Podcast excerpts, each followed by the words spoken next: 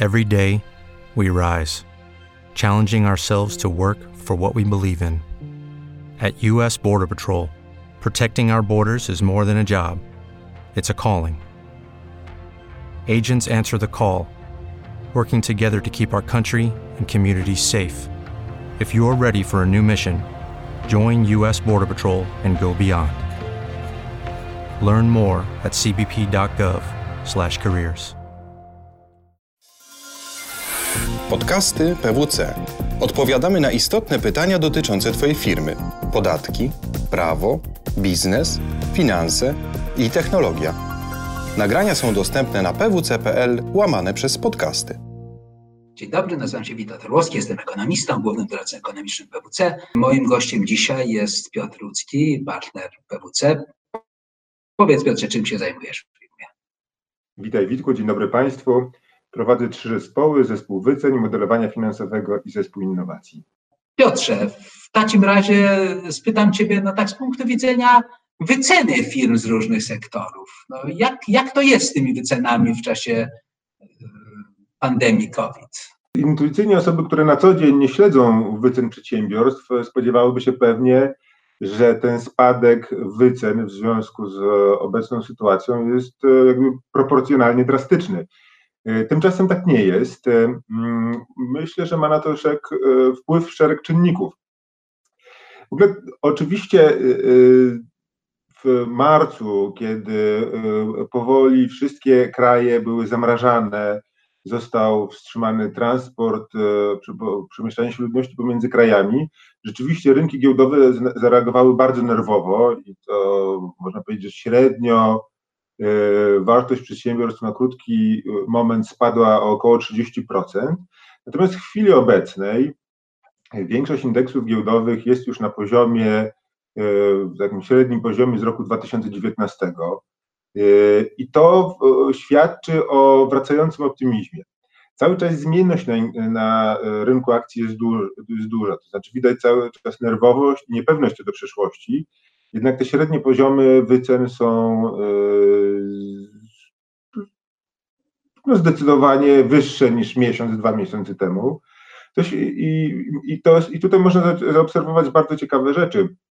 Po pierwsze, yy, jednak rynek europejski, w tym Polska, wyceny przedsiębiorstw spadły w większym stopniu niż w Stanach.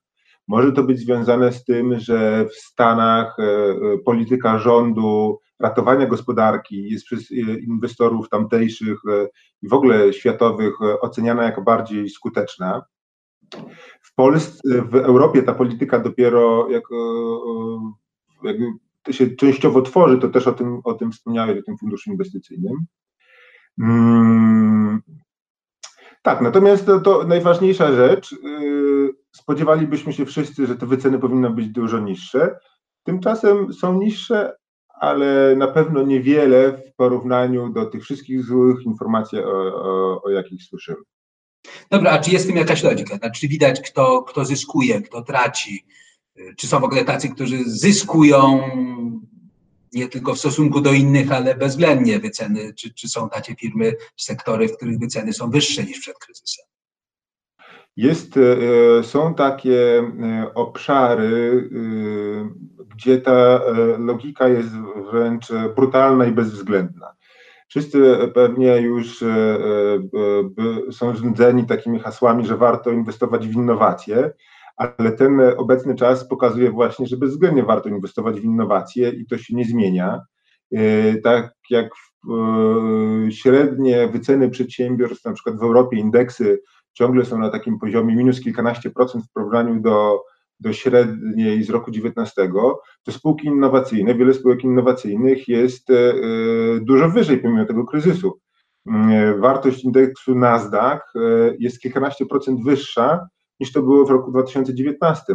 To pokazuje, że spółki innowacyjne, które w lepszym stopniu rozumieją potrzeby klienta, e, w lepszym, szybciej reagują na zmieniające się sytuacje, e, zmieniającą się sytuację, bezwzględnie są wyżej wyceniane. E, I to jest ten element takiej twardej logiki, więc ta sytuacja, którą mamy teraz, bezwzględnie pokazuje, potwierdza, że że było warto i jest dalej warto inwestować w innowacje. A druga sprawa, e, którą obserwuję, to wydaje mi się, że mimo e, tej niepewności widać już efekt e, działań poszczególnych rządów. Mm, z jednej strony y, prawdopodobnie jest więcej pieniędzy na rynku. Wielu inwestorów dzięki temu przez to decyduje się zostać na rynku akcji.